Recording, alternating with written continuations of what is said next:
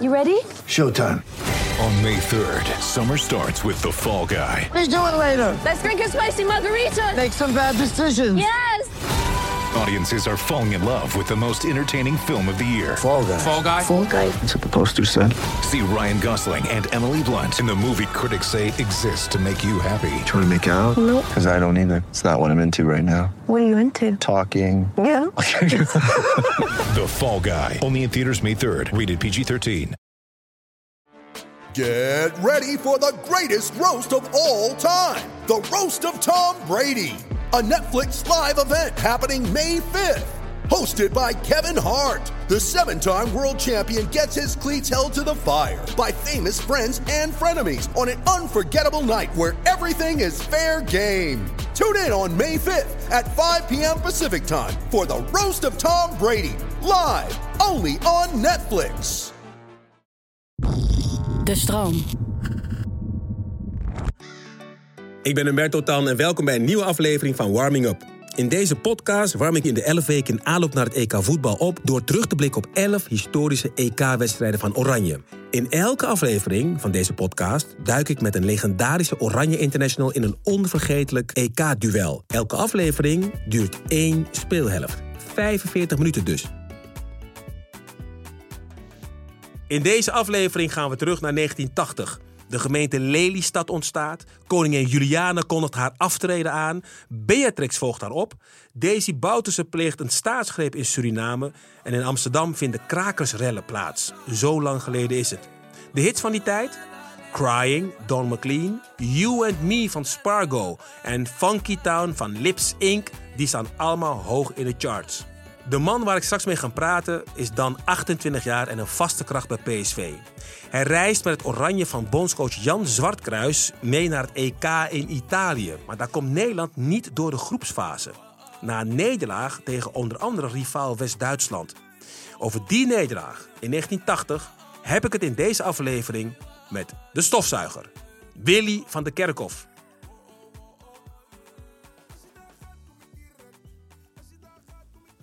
Weet je hoe lang geleden het is, man? EK 1980. Damn. Het is 41 jaar geleden. Is een leven geleden. Ik hoor volgens mij Willy al aankomen. Ik moet wel even voor Willy gaan staan als hij binnenkomt lopen natuurlijk. Ik moet wel even voor je gaan staan natuurlijk, Willy, als ik even... Nee, ik kom even... Hoe gaat het met je? Goed, Goed je te zien, man. Insgelijks. Echt, ga lekker zitten. Ja, weet je, we nemen meteen op vanaf het moment dat je binnenkomt, hè, Willy? Wat zie jij er keurig uit? Ja, ik moet naar jou. hè. Ja, maar jij ziet er echt uit, eh, wow. Jasje, pochet. Als je nou Humberto moet, dan moet je netjes zijn. En dan zit ik hier in mijn, eh, in mijn, Ja, in dat- mijn, in mijn petje. Je zit altijd netjes. ik heb iets van Wat, wat heb je meegenomen? Heb je allemaal dingen? Heb je allemaal spullen meegenomen? Ik heb, eh, ja, mijn, eh, Oh, dit is fantastisch. Dit, je hebt gewoon alles van die tijd nog bewaard. Wat is dit? door de coach Zwartkruis. Ik zou even beschrijven. Willy heeft meegenomen een heel grote blauwe, lichtblauwe map. En daar staan gewoon allemaal krantenartikelen in uit 1980. En ik zie hier een krantartikel bijvoorbeeld eh, waarin de kop is... West-Duitsers winnen prestigeslag op het middenveld. Devaluatie Oranje zet door. Jeetje, wat is dit goed? Wauw, Willy. Is wel leuk om over te hebben. Heb jij, heb jij heel veel van dit soort boeken bewaard? Het is, zo- nee, ik heb, ik heb eh, een, eh, mijn vrouw, zijn broertje, eh, is een beetje gehandicapt, licht gehandicapt. En die heeft er vanaf eh, 1969 tot 1989 iedere wedstrijd in een plakboek gedaan. Ieder jaar. Ja, superleuk. En dit is eh, PSV 1987, hè, daarvoor. Maar dit is echt. Zo heb ik eh, een dertigtal boeken. En is het iets wat je, waar je regelmatig in kijkt of waar anderen in kijken? Eh, kleinkinderen nou allemaal in kijken. Ja, die kijken nu de kleinkinderen, want die zien ineens opa ja, ja, kon echt goed voetballen vroeger. En nu, nu beginnen ze te beseffen dat opa toch best wel kon voetballen. Ja? Hoe merk je dat? Wat zeggen ze dan? hè? Wat zeggen ze tegen je, eh, Ja. Willy, nu? Nou, ze zeggen altijd, ach, opa, ik kan helemaal niet voetballen. En dan gaan ze dit zitten kijken. En dan en die eh, twee dochters van eh, André en Joyce. Ja. En die zeggen ze tegen papa dan, tegen André. Oh, opa kan veel beter voetballen als jij. ja, voor degenen die niet weten, jouw, dochter Joyce is eh, met André Ooyer. Dus er zit nog wat interland eh, in de familie. Maar dit is, dit is geweldig. Dit. Nog niemand die hier is geweest, is, met zo, is zo goed beslagen ten ijs gekomen. En grappig is, ik heb hier een boek liggen. Het is wel grappig. Wegen naar, eh, naar Rome. Is het Nederlands elftal WK 78 tot en met EK 1980 van Gerard Tuk. Die, die heeft eh, deze podcast gehoord en die zei van... Goh, ik heb een boek geschreven over 1980. Wil je dat hebben? Heeft hij het Ja, opgestuurd? want ik heb- ik heb- Jij krijgt het van mij. ik heb niks van 80. Jij krijgt, kijk, hij staat van alles nog wat. En hij, staat, over jou staat erin, over jullie staat erin. Wat hij zegt, de 1980, want daar gaan we het over hebben in deze podcast, is heel erg vergeten EK. En dan schrijft hij over de biografie. De gebroeders van Willy en René van de Kerkhof bevat nog wel een apart hoofdstuk over dit toernooi. Maar het aantal bladzijden, met iets meer dan vijf, is opnieuw mager ten opzichte van 1978. 31 pagina's. Twee broers die beide alle drie de wedstrijden in de basis starten en dan toch zo weinig te melden hebben. Het eigenlijke voetbal wordt beschreven in amper één pagina met als openingszin tja. De tweede zin luidt het EK van 1980 in Italië en de derde en vierde. Weinig toernooien zijn zo ver weggezakt in het Nederlands voetbalgeheugen als dit. Het EK was namelijk een regelrechte deceptie. En dan kom jij binnengelopen met alles gewoon helemaal vastgelegd met alle krantenartikelen, alles erop. En oh, kijk hier een mooie foto van Krol, jij, Haan. We hadden een, een selectie. Eh, Frans Thijssen was er eerst bij. eh, Martin Vrijsen. In- Eerst, zijn Van eerste NAC, interlands. toch, Martin Vrijzen? En eh, we, we zijn toen ehm, een fiets... Villach of fietsnauw geweest? Vi- Villach, met trainingskamp. Ja. Berto, daar hebben wij afgezien. Het is middags om 35 graden, om 12 uur. Zwartkruis zei, koperen ploert, die gaan we verslaan. Trainen om 12 uur. Mijn broer zat gewoon na, na anderhalf uur gewoon over te geven. Op, op die training. Ja, Dat, dat was een van de dingen die ze zeiden. Van Zwartkruis, de bondscoach toen, heeft jullie veel en veel te hard laten trainen in die tijd. Aan het einde van het seizoen. wij waren kapot. Na, na de trainingsstage. Dat kan je je toch nog niet meer voorstellen. Nee, kan ook niet meer. Je, je, je zit in een flow, dat je, dat je constant eh, trainen, wedstrijden, trainen, wedstrijden. En dan krijg je in één keer een piek met een trainingskamp. Nou, drie keer per dag trainen, hè? Drie keer per dag. S'morgens, smiddags om 12 uur en smiddags om 4 uur. Of s'avonds een wedstrijdje. Maar dan lig jij toch met, met stijve spieren in bed s'avonds. Dan kan je toch helemaal niks Stijve meer. spieren, ik kon niet opstaan. Maar hebben jullie dat toen niet gezegd tegen, tegen de Ja, bondscoach? natuurlijk. Maar hij zei, ja, jullie moeten niet zeiken, jongen. Die de koperen ploert, hè, dat was de zon dan. Hè. Die moeten jullie verslaan. En dan winnen we de, winnen we de EK. Nou, het was niks. De eerste wedstrijd gelukkig tegen Griekenland. Die 1-0 1-0. met die penalty gewonnen. Maar tegen Duitsland 3-2. Maar dat ook een kans. We waren veel te moe allemaal. En derde tegen Tsjechoslowakije, die 1-1. Forget it. We gaan officieel beginnen. Want ehm, deze podcast gaat, zoals jullie weten, over EK voetbal. We kijken vooruit op het EK, maar we kijken ook zeker terug op eh, EK-wedstrijden uit het verleden. En deze keer gaat het over 1980, Nederland-Duitsland. En Willy van der Kerkhof is gewoon op dat moment een superster bij PSV. Dat jaar, in het seizoen 79-80, wordt Ajax kampioen met 50 punten. PSV 3. Ja, PSV 3, 44 punten. En AZ 47 punten, wordt tweede. Vitesse en Haarlem degraderen Ja. dat jaar. Heb je, nog, heb, heb je nog veel herinneringen aan die periode, Willy? Want als jij dit allemaal hebt door jou... Ik, heb, eh, ik heb heel veel herinneringen. Ik, ik, net ook zeg, ik, ik lees ze regelmatig. En dan, zeker nou ik de uitnodiging van jou kreeg, eh, leuk om, om te doen. Eh eigenlijk het boek eh eergisteren gepakt. en Daar gaan ze even kijken. Het seizoen 79-80 PSV was geen hoogtij. Dus Ajax was... Net als dit jaar beter. Ja. Maar de- wij hadden gefocust op de EK allemaal gefocust op de EK. En hebben we daar, want eh, Beatrix was eh, een nieuwe koningin. En wij wilden graag naar Beatrix gaan, omdat we twee keer Juliana 74 en 78 gehad hebben. Nou, we willen naar de Beatrix ook toe. Eh, grappig. en dan moesten we kampioen Dat was gewoon een doelstelling. Ja, dat was een interne doelstelling. Ja. Van jongens, laten we, laten we zorgen dat we ook bij de nieuwe koningin gelijk goed, goed aankomen. Dus ja, we hadden, we hadden alles voor over. En we hadden een, een verschrikkelijk goede groep. Goede groep spelers. Maar Zwartkruis dacht dat hij van ons eh ja, astronauten moest maken. Weet ik veel allemaal. Het was, het was echt ongelooflijk. wat- Afschuwelijk dat je met zo'n coach moet werken op dat moment. Want dan weet je gewoon, een coach maakt je gewoon slechter. Ja, maar hij. Humberto, hij was een, een, een militair. Eh, en mijn broer heeft vroeger bij hem getraind met een militair elftal. Hij zei: Iemand gek zit hij. Die laat gewoon een- die 12 uur in de zon, 35 graden. Hey, sprinten, trainen, eh, wedstrijdje. Ja, gewoon intervaltraining om 12 uur s'nachts of overdag als 35 graden is. Ja, maar, als kan je, niet, man. maar als je dat hoort, dan, dan, dan weet je al kon er je- niet winnen. Kijk, hier, dit vind ik wel een hele mooie... Oh, ik, vind, ik ben zo blij met dit boek. Jij, hier heb ik een artikel.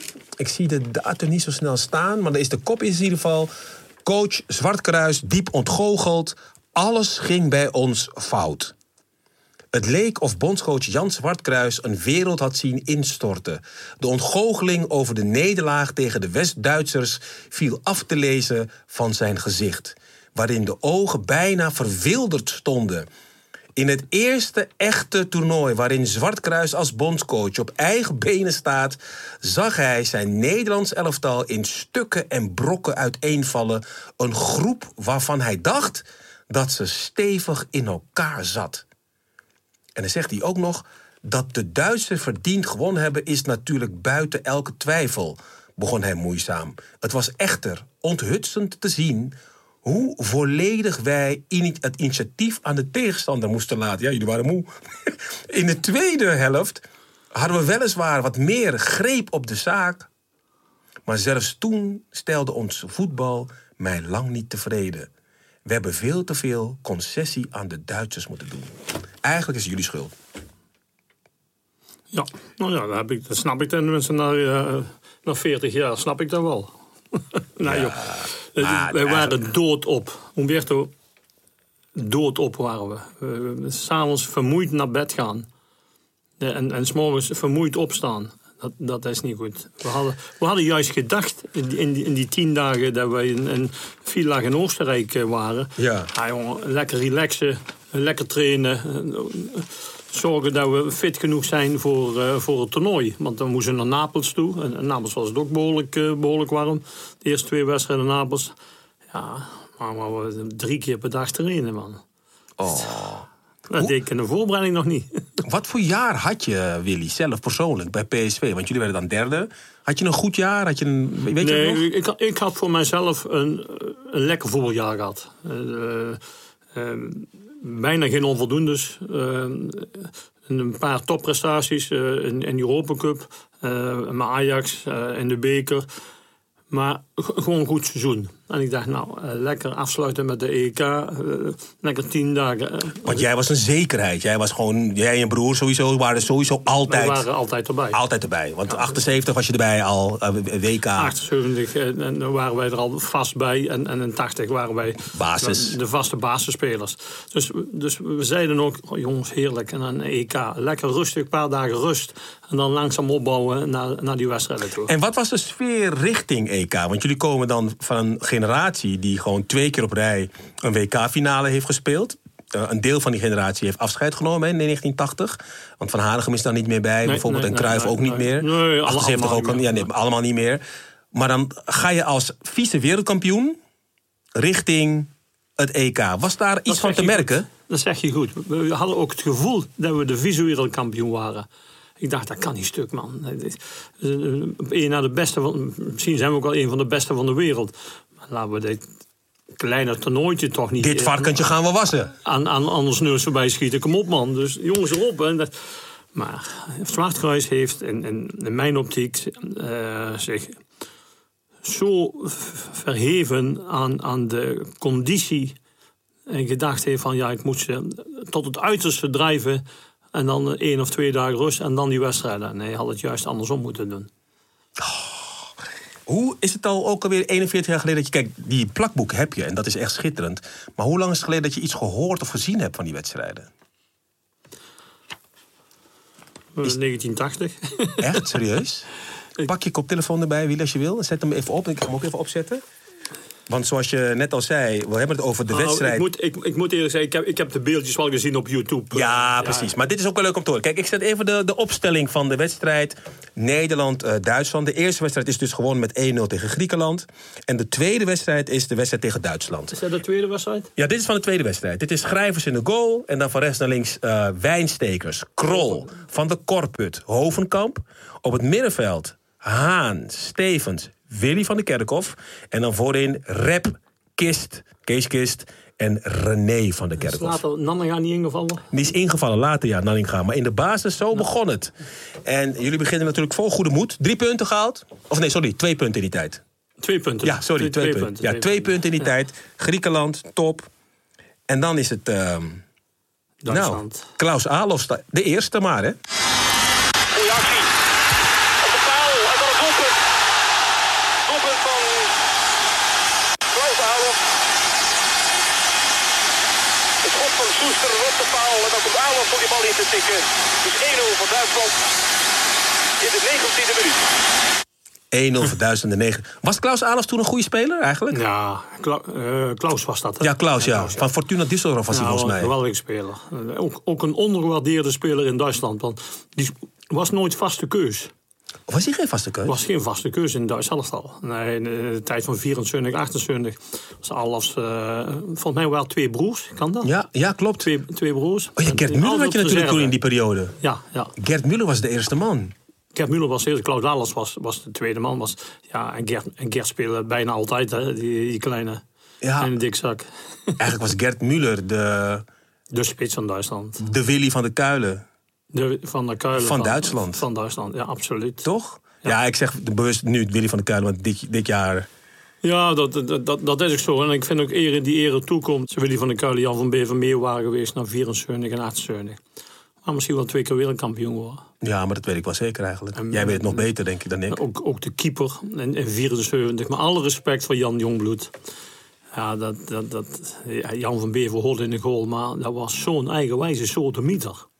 Die van Beveren. Eh, De doodzonde. En die, heeft, die is eigenlijk de, degene geweest die van de kuilen van de WK afgehouden heeft. Is dat zo? Ja. Hoe is dat gegaan?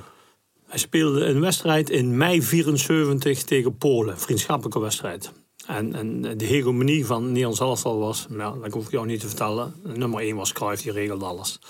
Maar Van Bever kon dat niet hebben. Die zei, wat hij kan, dat kan ik ook. Dus, eh, alles, ik wil ook alles bespreken, Cruijff. ja, ik regel de premies en, en, dat soort dingetjes.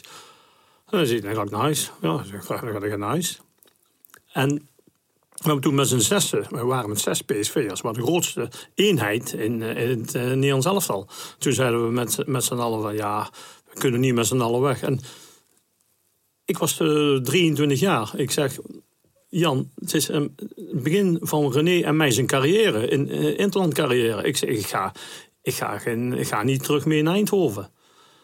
Van der Keilen was solidair. We hebben Willy het proberen over te halen. Willy eh, hij blijft nou, nou nee, solidair. Ik zei, wij zijn maar solidair met Jan, maar je hoeft dan niet weg te gaan. En eh, die heeft toen Jan meegenomen.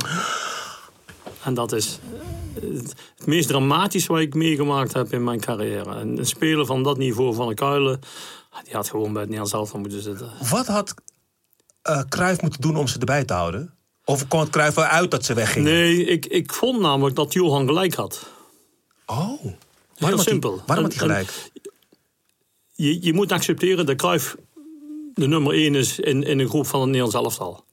En dan, en dan moet je niet proberen te zorgen dat je ook nummer 1 wordt. En Van Bever was eh, een super aparte, maar een 's werelds beste keeper. Maar het was een aparte vogel. En ik zei, ah, joh, kom op. Ik, eh, ik luister niet naar Cruijff, ik doe mijn eigen. En eh, dat, dat is het mm, doodvonnis voor beide geweest. Hè? Want heel lang is het verhaal geweest, nog dat hoor ik van de week nog, het verhaal toevallig, omdat Van der Kuilen natuurlijk overleden is. eh, gingen mensen heel vaak zeggen: eh, ja, het, het feit dat Cruijff een voetballende keeper mee wilde met Jan Jongbloed... dat is de reden geweest dat Van Beveren niet meeging... en Van de Kuilen ook niet, want ze vonden ze allebei een beetje eigenwijs. Of ze vonden ze niet goed, genoeg, of weet ik veel wat dat was. Maar in ieder geval, dat was wel de belangrijkste reden voor Van Beveren... en dat Van de Kuilen met hem meeging, dat wel. Maar dat klopt dus gewoon helemaal niet. Nee. Van, eh Michels wilde een voetballende keeper. Maar Michels zei ook wel, ja, als Van Bever meegaat, keept hij gewoon. Het is gewoon best keeper. En we hadden eigenlijk geen voetballende keeper nodig. En dat kwam toen in het toernooi. En dat Jan Jongbloed was een, was een eh, voorbeeldige, meer voetballende keeper in, eh, in die tijd. Maar Jan was minder keeper.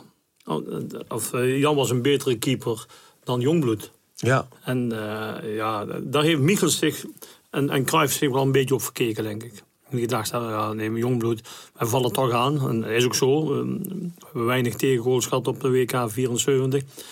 Eh, maar in de finale had, ehm, had Van Bever ons gered. Nou, en ik denk ook dat het best wel lekker is als je, ik weet nog, Van de Kuilen in de basis zou hebben gestaan. Eh, want Cruijff staat in de spits. Maar- kon gewoon in de spits. Ja, die stond gewoon erachter. Het was, het was gewoon kant en klaar. Iedereen was ervan overtuigd. Tot dat moment in, in, in mei. Dus dat gebeurde met, met Polen thuis. Maar later dan, hè, Willy, toen in 78, toen was Cruijff weg.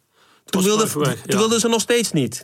Nee, en toen was Schrijvers opgeklommen tot, tot eerste, eerste keeper. En toen eh, was Van Bever niet meer in, eh, in vragen. En Van der Kuil ook niet meer. Gek is dat dan, hè? Van der Kuilen wint toch nog gewoon een UEFA Cup met, met PSV Ja, tegen, tegen Bas. 78 wonnen wij de UEFA Cup. Ja. Was Willy, Willy was toen al eh, in de 30, hè? Eh, midden de- begin 30 pas. Eh 2,33 geloof ik al. Ah, maar ja. 78. Ja, want is één, eh, even kijken. 31 was hij. Hij is van 45. Hij is van 45. En als we dan eh, kijken naar, eh, zeg maar, eh 78, ja, is hij 33. Had, nee, jullie hadden ook niks. Jij was te jong in 74 eigenlijk. En, je, en, terecht, je wilde gewoon je WK Ah, spelen. 24 was hij top. Ja. Van de Kuilen en Van Bever waren de, de beste, alle twee, de, de beste van Nederland. Maar goed, 1980. Nederland-West-Duitsland. Klaus Alofs 1-0. Wat voor gevoel heb je nog bij die wedstrijd... als je kijkt naar het plakboek wat je hebt Nou, meegenomen? maar met die 1-0, nou, dachten we, nee, dat is geen probleem. We, Oh, gaan, we gaan, ja, we, we zaten goed in ons vel allemaal. En we dachten, nou, dat is geen probleem, dan gaan, eh, we gaan dit, eh, dit redden. En eh, de wedstrijd liep op een gegeven moment toch anders. Eh, Ja, want Klaus Alofs eh, was, was wel... die had het op zijn... hè? Die had er zin in. was op zijn best. Hij had er echt zin in. Want de 1-0 is gevallen. Uiteindelijk komt nog de 2-0 ook weer. Door. Als je de koptelefoon op pakt, kan je het gewoon meeluisteren. Let op. Duitsland komt op 2-0. Hansi Müller. Kort, nee. En het doelpunt. 2-0. Opnieuw Klaus Alof. Opnieuw Klaus Alof. Hansi Müller. Tikt hier die bal rechts te kort omdat Wijnstekers inkomt. Alof scoort toch. 2-0. West-Duitsland. Ja, eh, dankjewel trouwens NOS. Eh, Kees Jansma doet het commentaar hier in die tijd. En ehm, hij speelde weergeloos, hè, Ja, hij speelde, fantastisch spelen die, die wedstrijd. Alles zat hem ook mee. Ja, alles. En, Ik- en, dan, en dan speel je lekker. eh. Zullen we meteen de pijn, meteen de 3-0 ook erbij pakken? Kom, we pakken de 3-0 van Alofs ook meteen erbij. Let op, even weer je koptelefoon erbij. We pakken de 3-0 van Klaus Alofs meteen erbij, Willy. Schuster. Wint van Kist. Schuster. Goed gedaan. En een prachtige goal. Klaus Alof. Opnieuw een hat-trick. Schitterende goal van Duitsland. pure natuurlijke hattrick. Hier. Schuster. Daar Alof. Totaal uitgespeelde Nederlandse verdediging.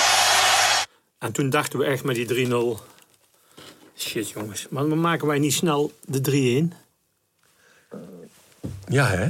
Nou, en dat, dat, dat gebeurde ook nog, die 3-1. En gebeurde 3-1. En, en- en toen hadden we het gevoel van, we kunnen het nog Het kan nog. kan nog. Die 3-1 pakken we ook meteen. Oh, het is heerlijk dit. Ja, dat is het mooie van de podcast. Weet je, je ziet de beelden niet, maar je kan het je wel voorstellen. Ook als je die geluiden van toen erbij hoort, het stadiongeluid, het commentaar van Kees Jansma. En dan wordt het een klein beetje spannender. 3-0 achter en dan 3-1. Wijnstekers. Kans voor Nederland. Wijnstekers gaat naar de goal toe. Strafschop. Het moet al een strafschop zijn. En het is er een. Het is er een.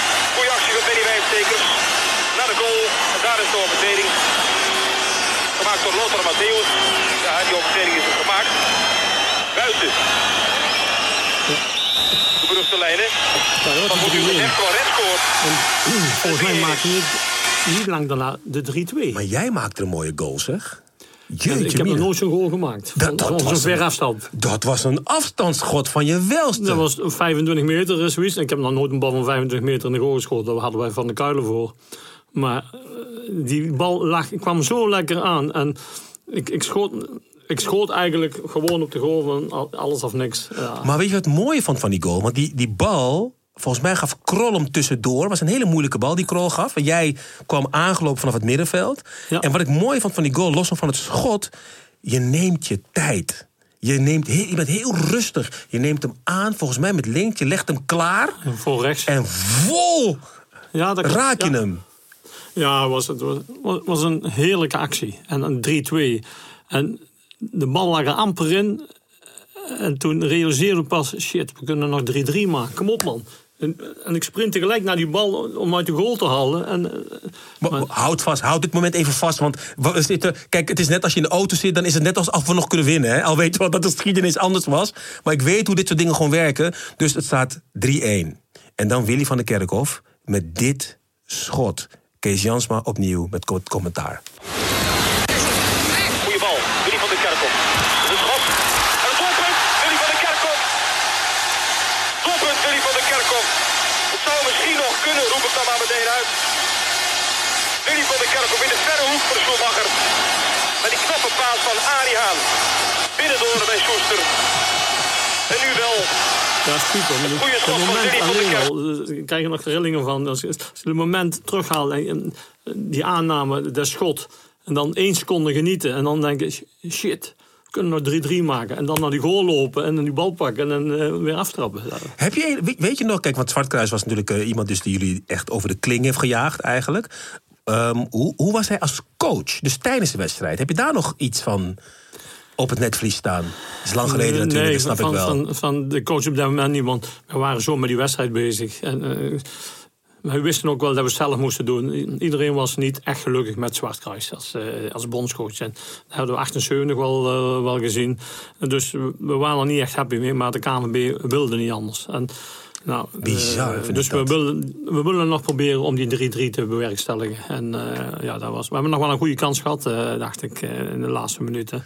Maar al met al, eh, Duitsland speelde een geweldige wedstrijd. Hoe belangrijk is een. Want als ik jou dit verhaal van Zwartkruis hoor vertellen. dat de KVB dan toch met hem door wilde gaan. denk ik van ja, dat hebben we vaker gehoord. Hè, dat eh, uiteindelijk de andere coach voor de groep staat. dan de groep zelf eigenlijk wil.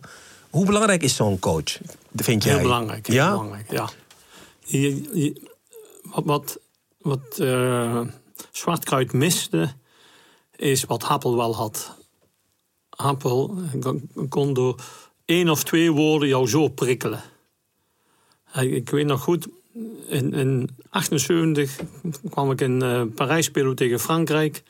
eh, met Willem van Hanegem. Willem van Hanegem speelde de eerste helft, ik de tweede helft. En na de wedstrijd moesten Willem en ik eh, bij, eh, eh, bij de trainer komen. En Happel zei, eh, Willem, twee dingen doen. Je kunt als reserve mee. Nou, maar hij, weet je, mij, ja, die gaat spelen in eh, Argentinië. Oh.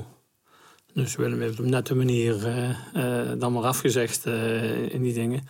En ik, en ik speelde. En dat, dat vertrouwen wat je dan hebt aan, in, een, in een coach, dat, dat vertaalt zich gewoon, of dat moet zich dan vertalen in, in, in de wedstrijden. En dat, dat ging geweldig. Ik, ik heb mijn happel. Toen wij naar Argentinië aankwamen, eh, riep hij naar mij en zei: Willy, eh du speelst geen probleem. En wenn du goed speelst, dan speelst je jede, jede speel. En kwam ik in de finale, een dag voor de finale kwam hij weer bij mij. En zei, Willy, du speelst morgen auf die kerel samen met Jan Povli. Die kerel met die eh, lange haren. Eh, Ik zeg, campus trainer. campus, ja, egal. Geweldig was dat. Dat, dat, dat, dat gevoel van, van eh, ergens jou een vertrouwen geven, had, had hij geweldig. En nou, ik ging door het vuur voor hem. Echt. Want jij, jij hebt wel. Want het, het meeste, en dat weten heel weinig mensen, maar dat kan ik wel vertellen. meeste wat mij bij Happel eh, neergelegd eh, gewaardeerd heb, is.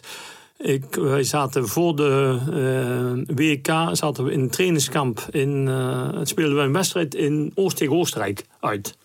Vlak voor de, want hij, is Oostenrijker en dergelijke. En we gingen. eh, mijn dochter zou de communie doen op zondag.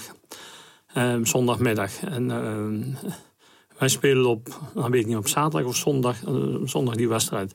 En ik had hem gevraagd van trainer, eh, zou ik naar huis kunnen, mijn dochter en dergelijke. Maar ze, koek maar, maar eerste speel. Ik dacht, nou ja, de wedstrijd gaat voor. Dus ik had tegen mijn vrouw gezegd, ja, lukt niet meer, ik, kom niet. Hij haalt hem met zo was het, hij haalt hem met mij met rust uit. Dan komt hij, loopt naar mij mee naar de kleedkamer. Hij zegt, doe Willy. Pakken ze je in, zit hij. Ik heb alles arrangeerd, zit hij. Vliegtuig stond klaar, taxi stond klaar, vliegtuig stond klaar. Ik kon naar eh, Eindhoven vliegen, opgehaald met, eh, met de auto. En ik kon zo mijn eh, eh, de kleinste dan de, de heilige communie bijwonen. Fantastisch. Fantastisch. Dus hij had oog, dus zowel op voetbalgebied heel duidelijk Maar ook menselijk, en ook heel menselijk. absoluut. Want wat, wat je net vertelt met Van Hanegem, dat jullie beiden erbij roept. Door te zeggen van Ja. Willem, hij gaat spelen, dus je mag mee, maar kies voor hem. Wow, is dat niet ook een druk voor jou op dat moment dan? Nee, nee. Juist niet. Dat gaf zoveel vertrouwen in, Ja, in mij dat, ik- dat ik absoluut geen druk voelde. En Willem en ik waren goede maatjes. Hè. Toevallig hebben we elkaar afgelopen dinsdag nog gegolfd eh, samen. Maar we zijn goede maatjes. eh, en ja, Willem zei, ja, het, is ook mijn tijd. mijn tijd is ook wel geweest, zegt hij. Ja, jij kan er ook niks aan doen. Dat Nee, de, keuze de coach. maakt, maakt de bondscoach. En Willem is ook nooit boos op mij geweest. En ook nooit op de, op de, op de bondscoach. Want ze spelen nog samen bij, eh bij Feyenoord, geloof ik, eh achter. Maar echt, zoveel vertrouwen. Die man eh gaf van mij. Ik dacht, ja, dan ga ik hem nu wel terug, eh, terugbetalen. In, in de goede zin van het woord. Na 1980, hè, nadat jullie zijn uitgeschakeld, ehm, daar heb je geen eindtoernooi mee gespeeld. Kees Schrijvers is nog bondscoach geweest. En toen heb ik nog gespeeld met die jonge garde. Met Gullit en uh, Rijkaard nog. Die heeft je laten debuteren toen. Ja, dat was, dat was ik met Piet Schrijvers de oudste. En die mannen, Koelman, Gullit, Van Basten. De nieuwe generatie. Ja, die jonge generatie kwam er allemaal aan en dergelijke. En wij speelden in Ierland uit, volgens mij. En eh, ik stond op middenveld, Piet in de goal. En het liep van... We stonden, ik dacht, met de rust met 2-0 achter. En ik zeg tegen Ruud, ik zeg, dat gaat niet goed zo, hè. Nou lopen we met de rust naar binnen. Ik zeg, ik ga wel vragen aan eh, de bondscoach als wij kunnen wisselen. Ik zei, ja, dat is best. Ik laat ze man spelen. Jij in het middenveld en eh, dingen. Oh, die kleine. Rijvers dan. Eh, gebeurt niet. Van de kerk met middenveld, eh, Gullit, ga je erachter. Maar ja, Gullit en ik we elkaar van PSV. Ik zeg, Ruud, jij denkt hetzelfde als ik. Absoluut, zit. Dus we ruilden gewoon. Hij kon toch niet het veld oplopen. Dus we ruilden gewoon. Ruud maakt twee goals. Van Basten maakt de winnende. 3-2. 3-2 gewonnen. Ik weet het nog. En- Ruud had nog een actie in de rechterkant toen. Ja, ja, ja. En Rijvers na de wedstrijd. boos. Was hij ik- boos? ja, boos dat we het gedaan hadden. En niemand keek. Wel goed gedaan. Een geweldig man. Ja, dat, zijn momen- dat zijn geweldige momenten. Maar dat was de jonge generatie. Met, met, met Koeman, met Gullit van Basten, uh, Rijkaard. Vanenburg denk ik ook Vanenburg. in die tijd kwam. Ja, ik, ik was de oudste. Jij hebt wel schitterende dingen meegemaakt. Hè? Want jij, hebt die, rij- jij bent onderdeel van die rijke generatie. 74, 78. Eh nou ja, 76 staat er tussendoor. Is ook een EK geweest. Moi. Eh 80. Eh, wat was het mooiste in je carrière, vind je zelf? Finale van de WK. 78. Absoluut. absoluut. Waarom was dat het mooiste? Tegen Argentinië. Tegen Argentinië. eh, omdat ik misschien wel een van mijn beste wedstrijden ooit gespeeld heb. Eh, Kees Jansma verwoordde dat echt su- super na de wedstrijd. En ik had ook het gevoel van... Je hebt wedstrijden bij Humberto dat alles loopt. Dat je de bal... Nou, ik, ik was niet links. Links is een, een, houten been. Maar met links kon ik een bal van 40 meter geven. En ik kwam, ik kwam aan. Al, alles lukte die dag. Behalve dan dat we verloren. Maar eh, voor mijn gevoel had ik een, een topwedstrijd gespeeld. En het mooie, het, wat mooi is, ik, kijk, ik was toen in 78 eh 12 jaar. En dan zat ik voor de televisie te kijken naar die wedstrijd. En dan ben je echt aan het wachten tot het begint. En toen werd het uitgesteld. Want er was ineens gedoe over jouw broer. over René. ja. Over die manchet aan zijn arm. Heb- hoe hebben jullie dat als spelers meegekregen toen? Want jullie mochten niet spelen. En misschien mocht hij überhaupt het veld niet op met dat ding. Terwijl dat in de rest van het toernooi geen probleem was geweest. Happel, en dat was de sterkte weer van Happel. Hè. En die, zei, die kwam het veld op en die zei: Wenn René niet speelt, spelen we niet. Jongens komen van het veld af. Allemaal eraf. Zonder enige twijfel. Ja, geen, zonder enige twijfel. En dan komt de eh, president van Fidela Fidela. en de president van de FIFA, eh Havelange. Die staan bij elkaar.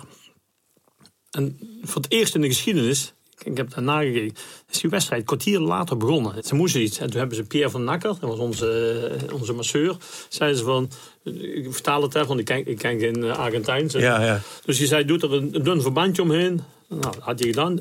Havelaan zit er een pleister op. Toen zei hij tegen de Italiaanse scheidsrechter, Cornella geloof ik, die eh, finale vloot. Now he can play.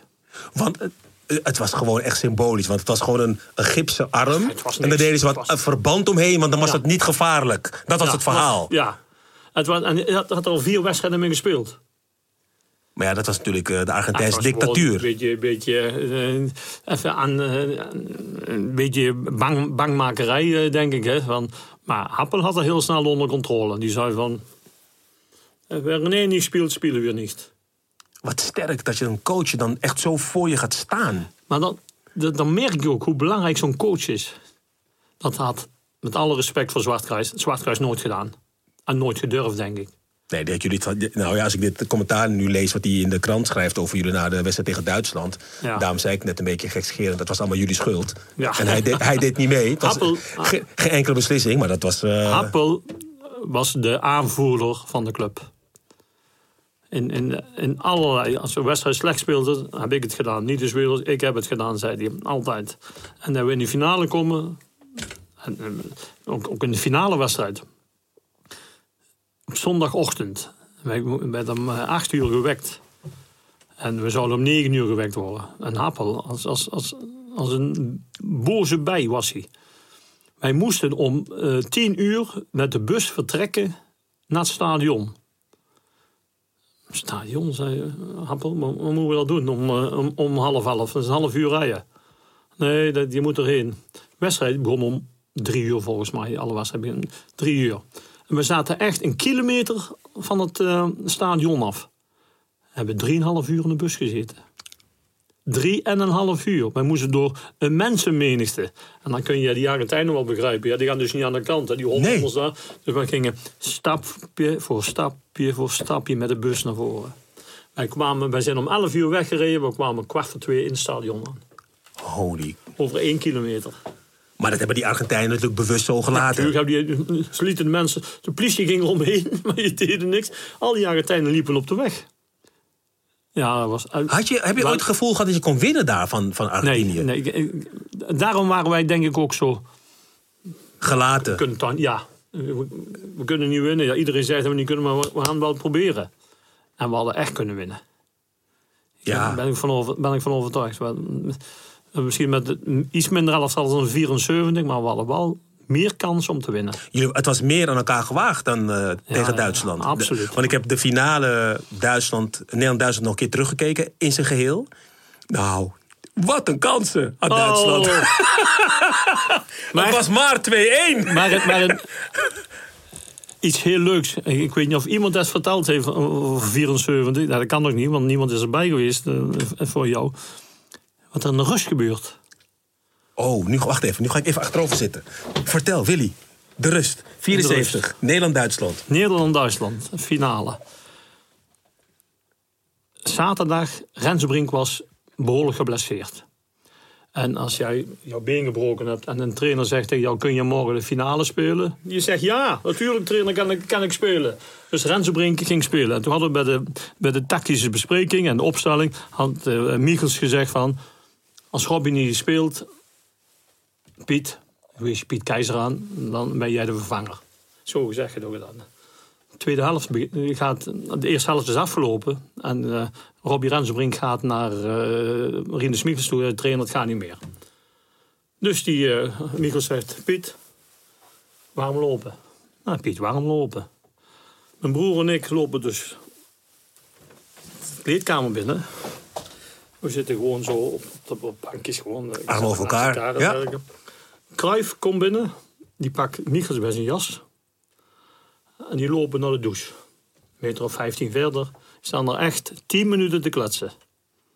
In de rust van de In- finale. In de rust van de finale. 10 minuten te kletsen. Komen terug. Cruijff gaat zitten en dan gebeurt het. Pak sigaretje vlug nog even. Ja, ook, maar goed, dat deed hij altijd.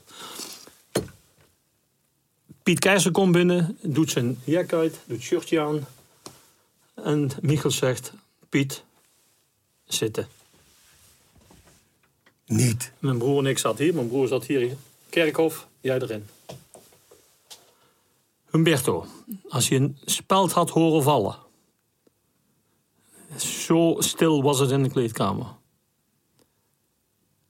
En je hebt René gezien in de tweede helft.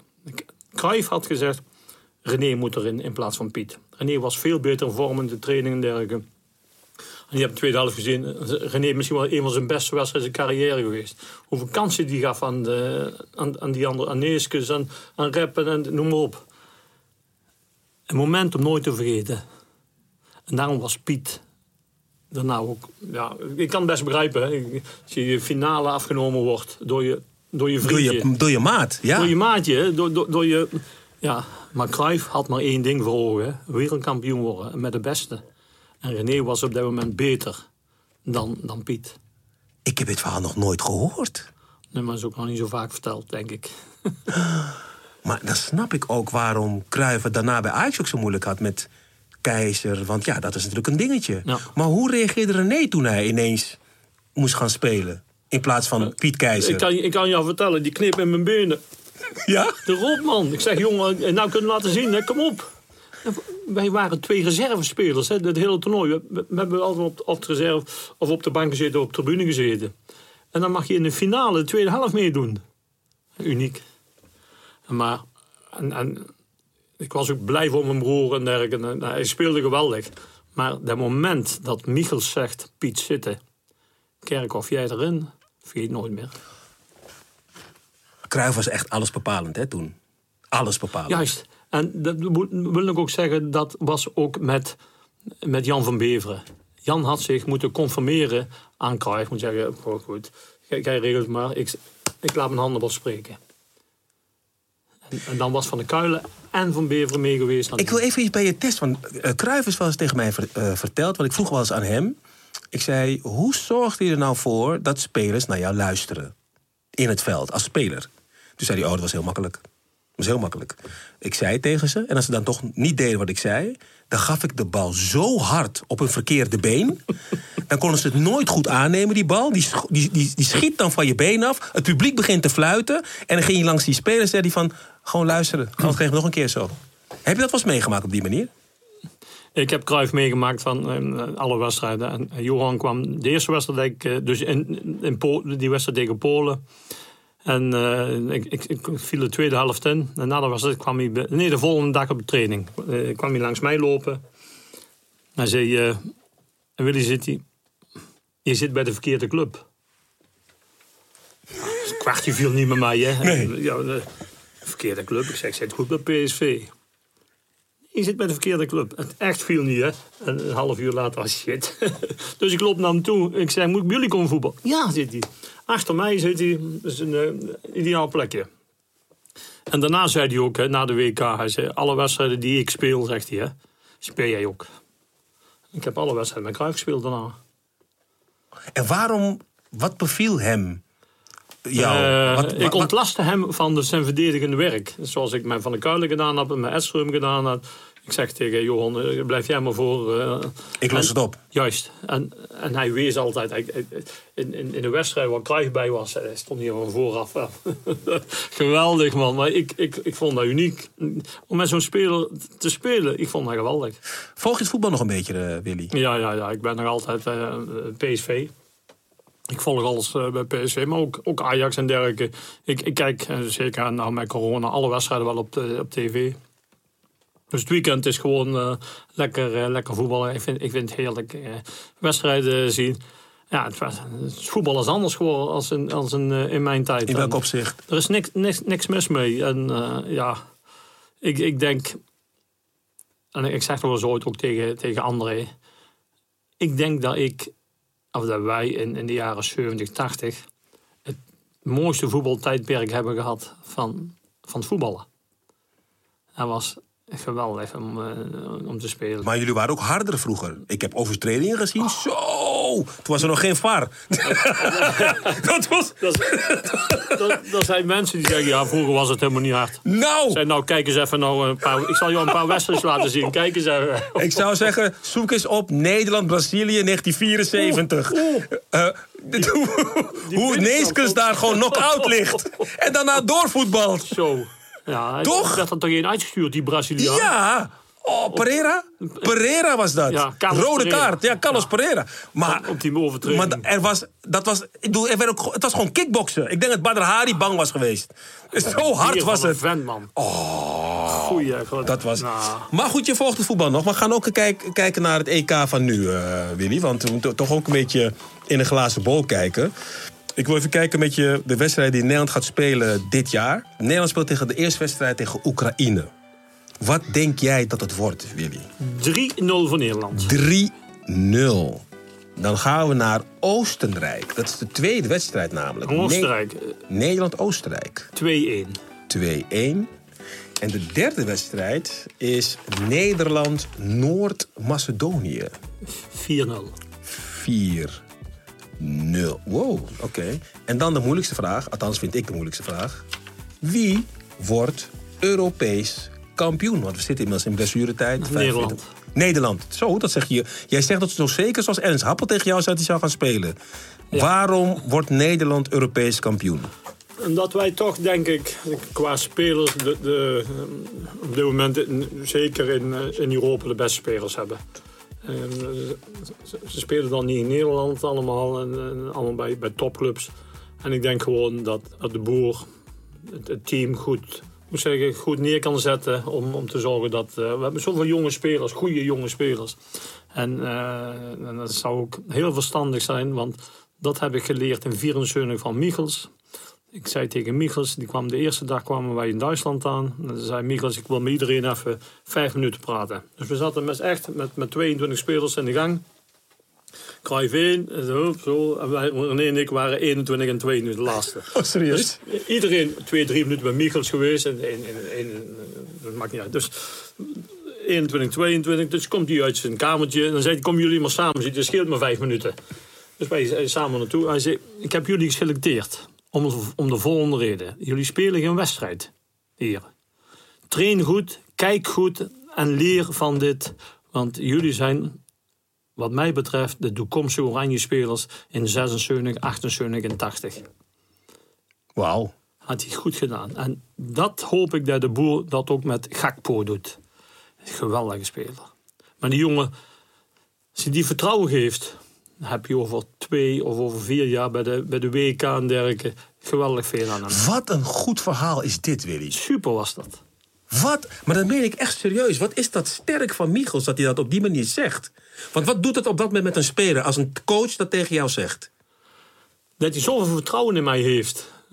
Dat, je niet meer uitmaakt dat je of wel of niet speelt.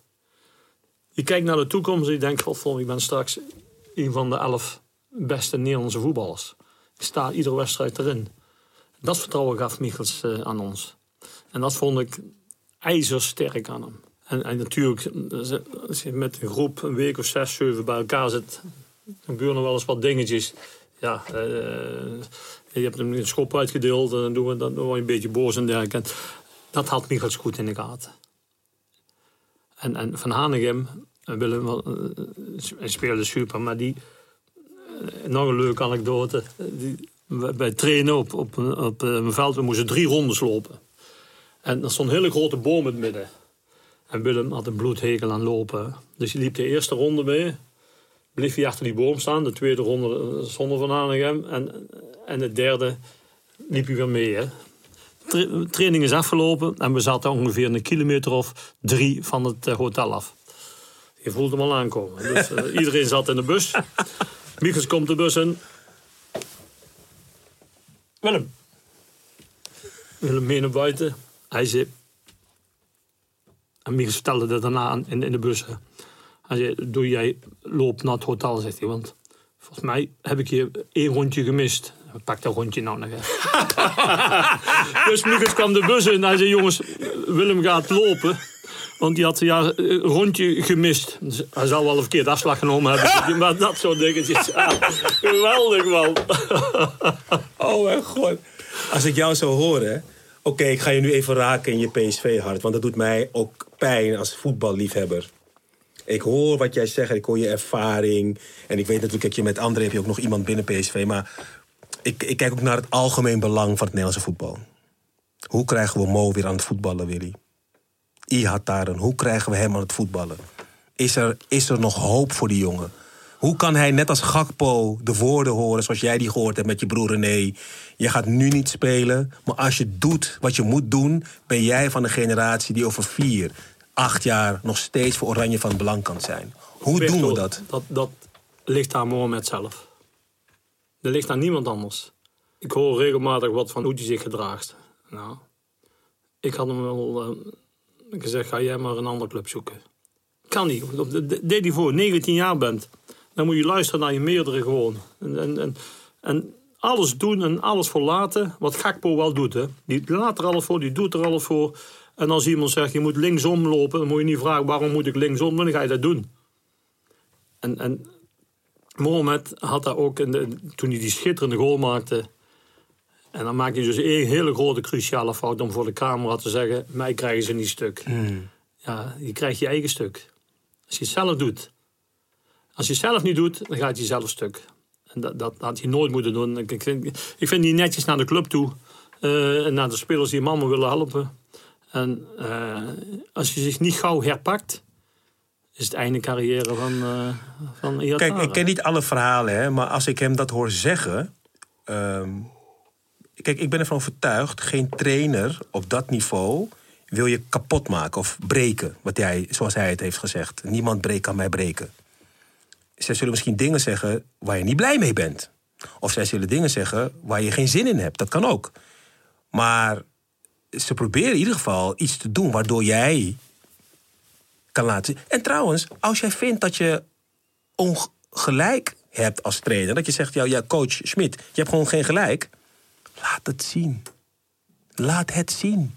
Laat het zien. Hij moet het zelf doen. Laat het zien. Als je het laat zien, dan is geen één trainer die zegt: Oh ja, maar ik ga mijn beste speler niet opstellen. En als hij dan nog doet, dan kan je nog tegen hem zeggen: hey, ik weet niet wat je aan het doen bent, maar ehm, dan ga ik naar een andere club waar ze me wel waarderen. Ja. Want ja, je, je kan het toch zien. Het is een geweldige voetbal. De cijfers, je ziet toch wat er gebeurt. Assists, goals.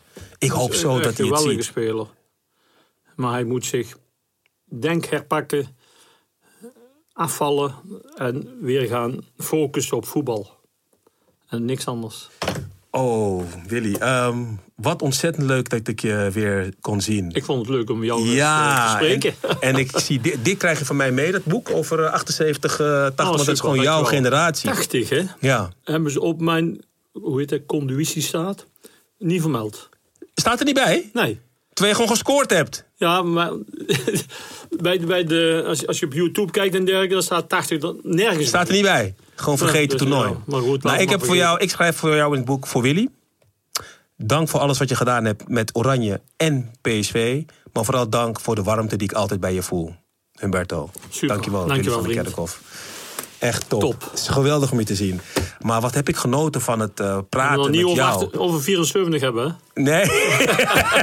Bij de we gaan gewoon een WK-editie maken ook. Dat is ook nog heel mooi. Dankjewel, Willy van der Kerkhof. En abonneer je gewoon en luister lekker naar de podcast op Spotify. En luister naar de andere afleveringen ook. Eh, dank jullie wel allemaal. Ik neem nog een slokje. Ciao. Fantastisch, Willy. Echt. Je luistert naar de podcast Warming Up over het EK van toen, maar zeker ook over het EK van nu. De muziek is het eh, nummer Suave van Broederliefde en de clipjes met commentaar komen van de NOS. Dank NOS. En de podcast wordt geproduceerd door De Stroom. En vond je het interessant, boeiend en inspirerend of een combinatie van die drie? Abonneer je en deel deze podcast met je vrienden. Dankjewel voor het luisteren en tot de volgende aflevering.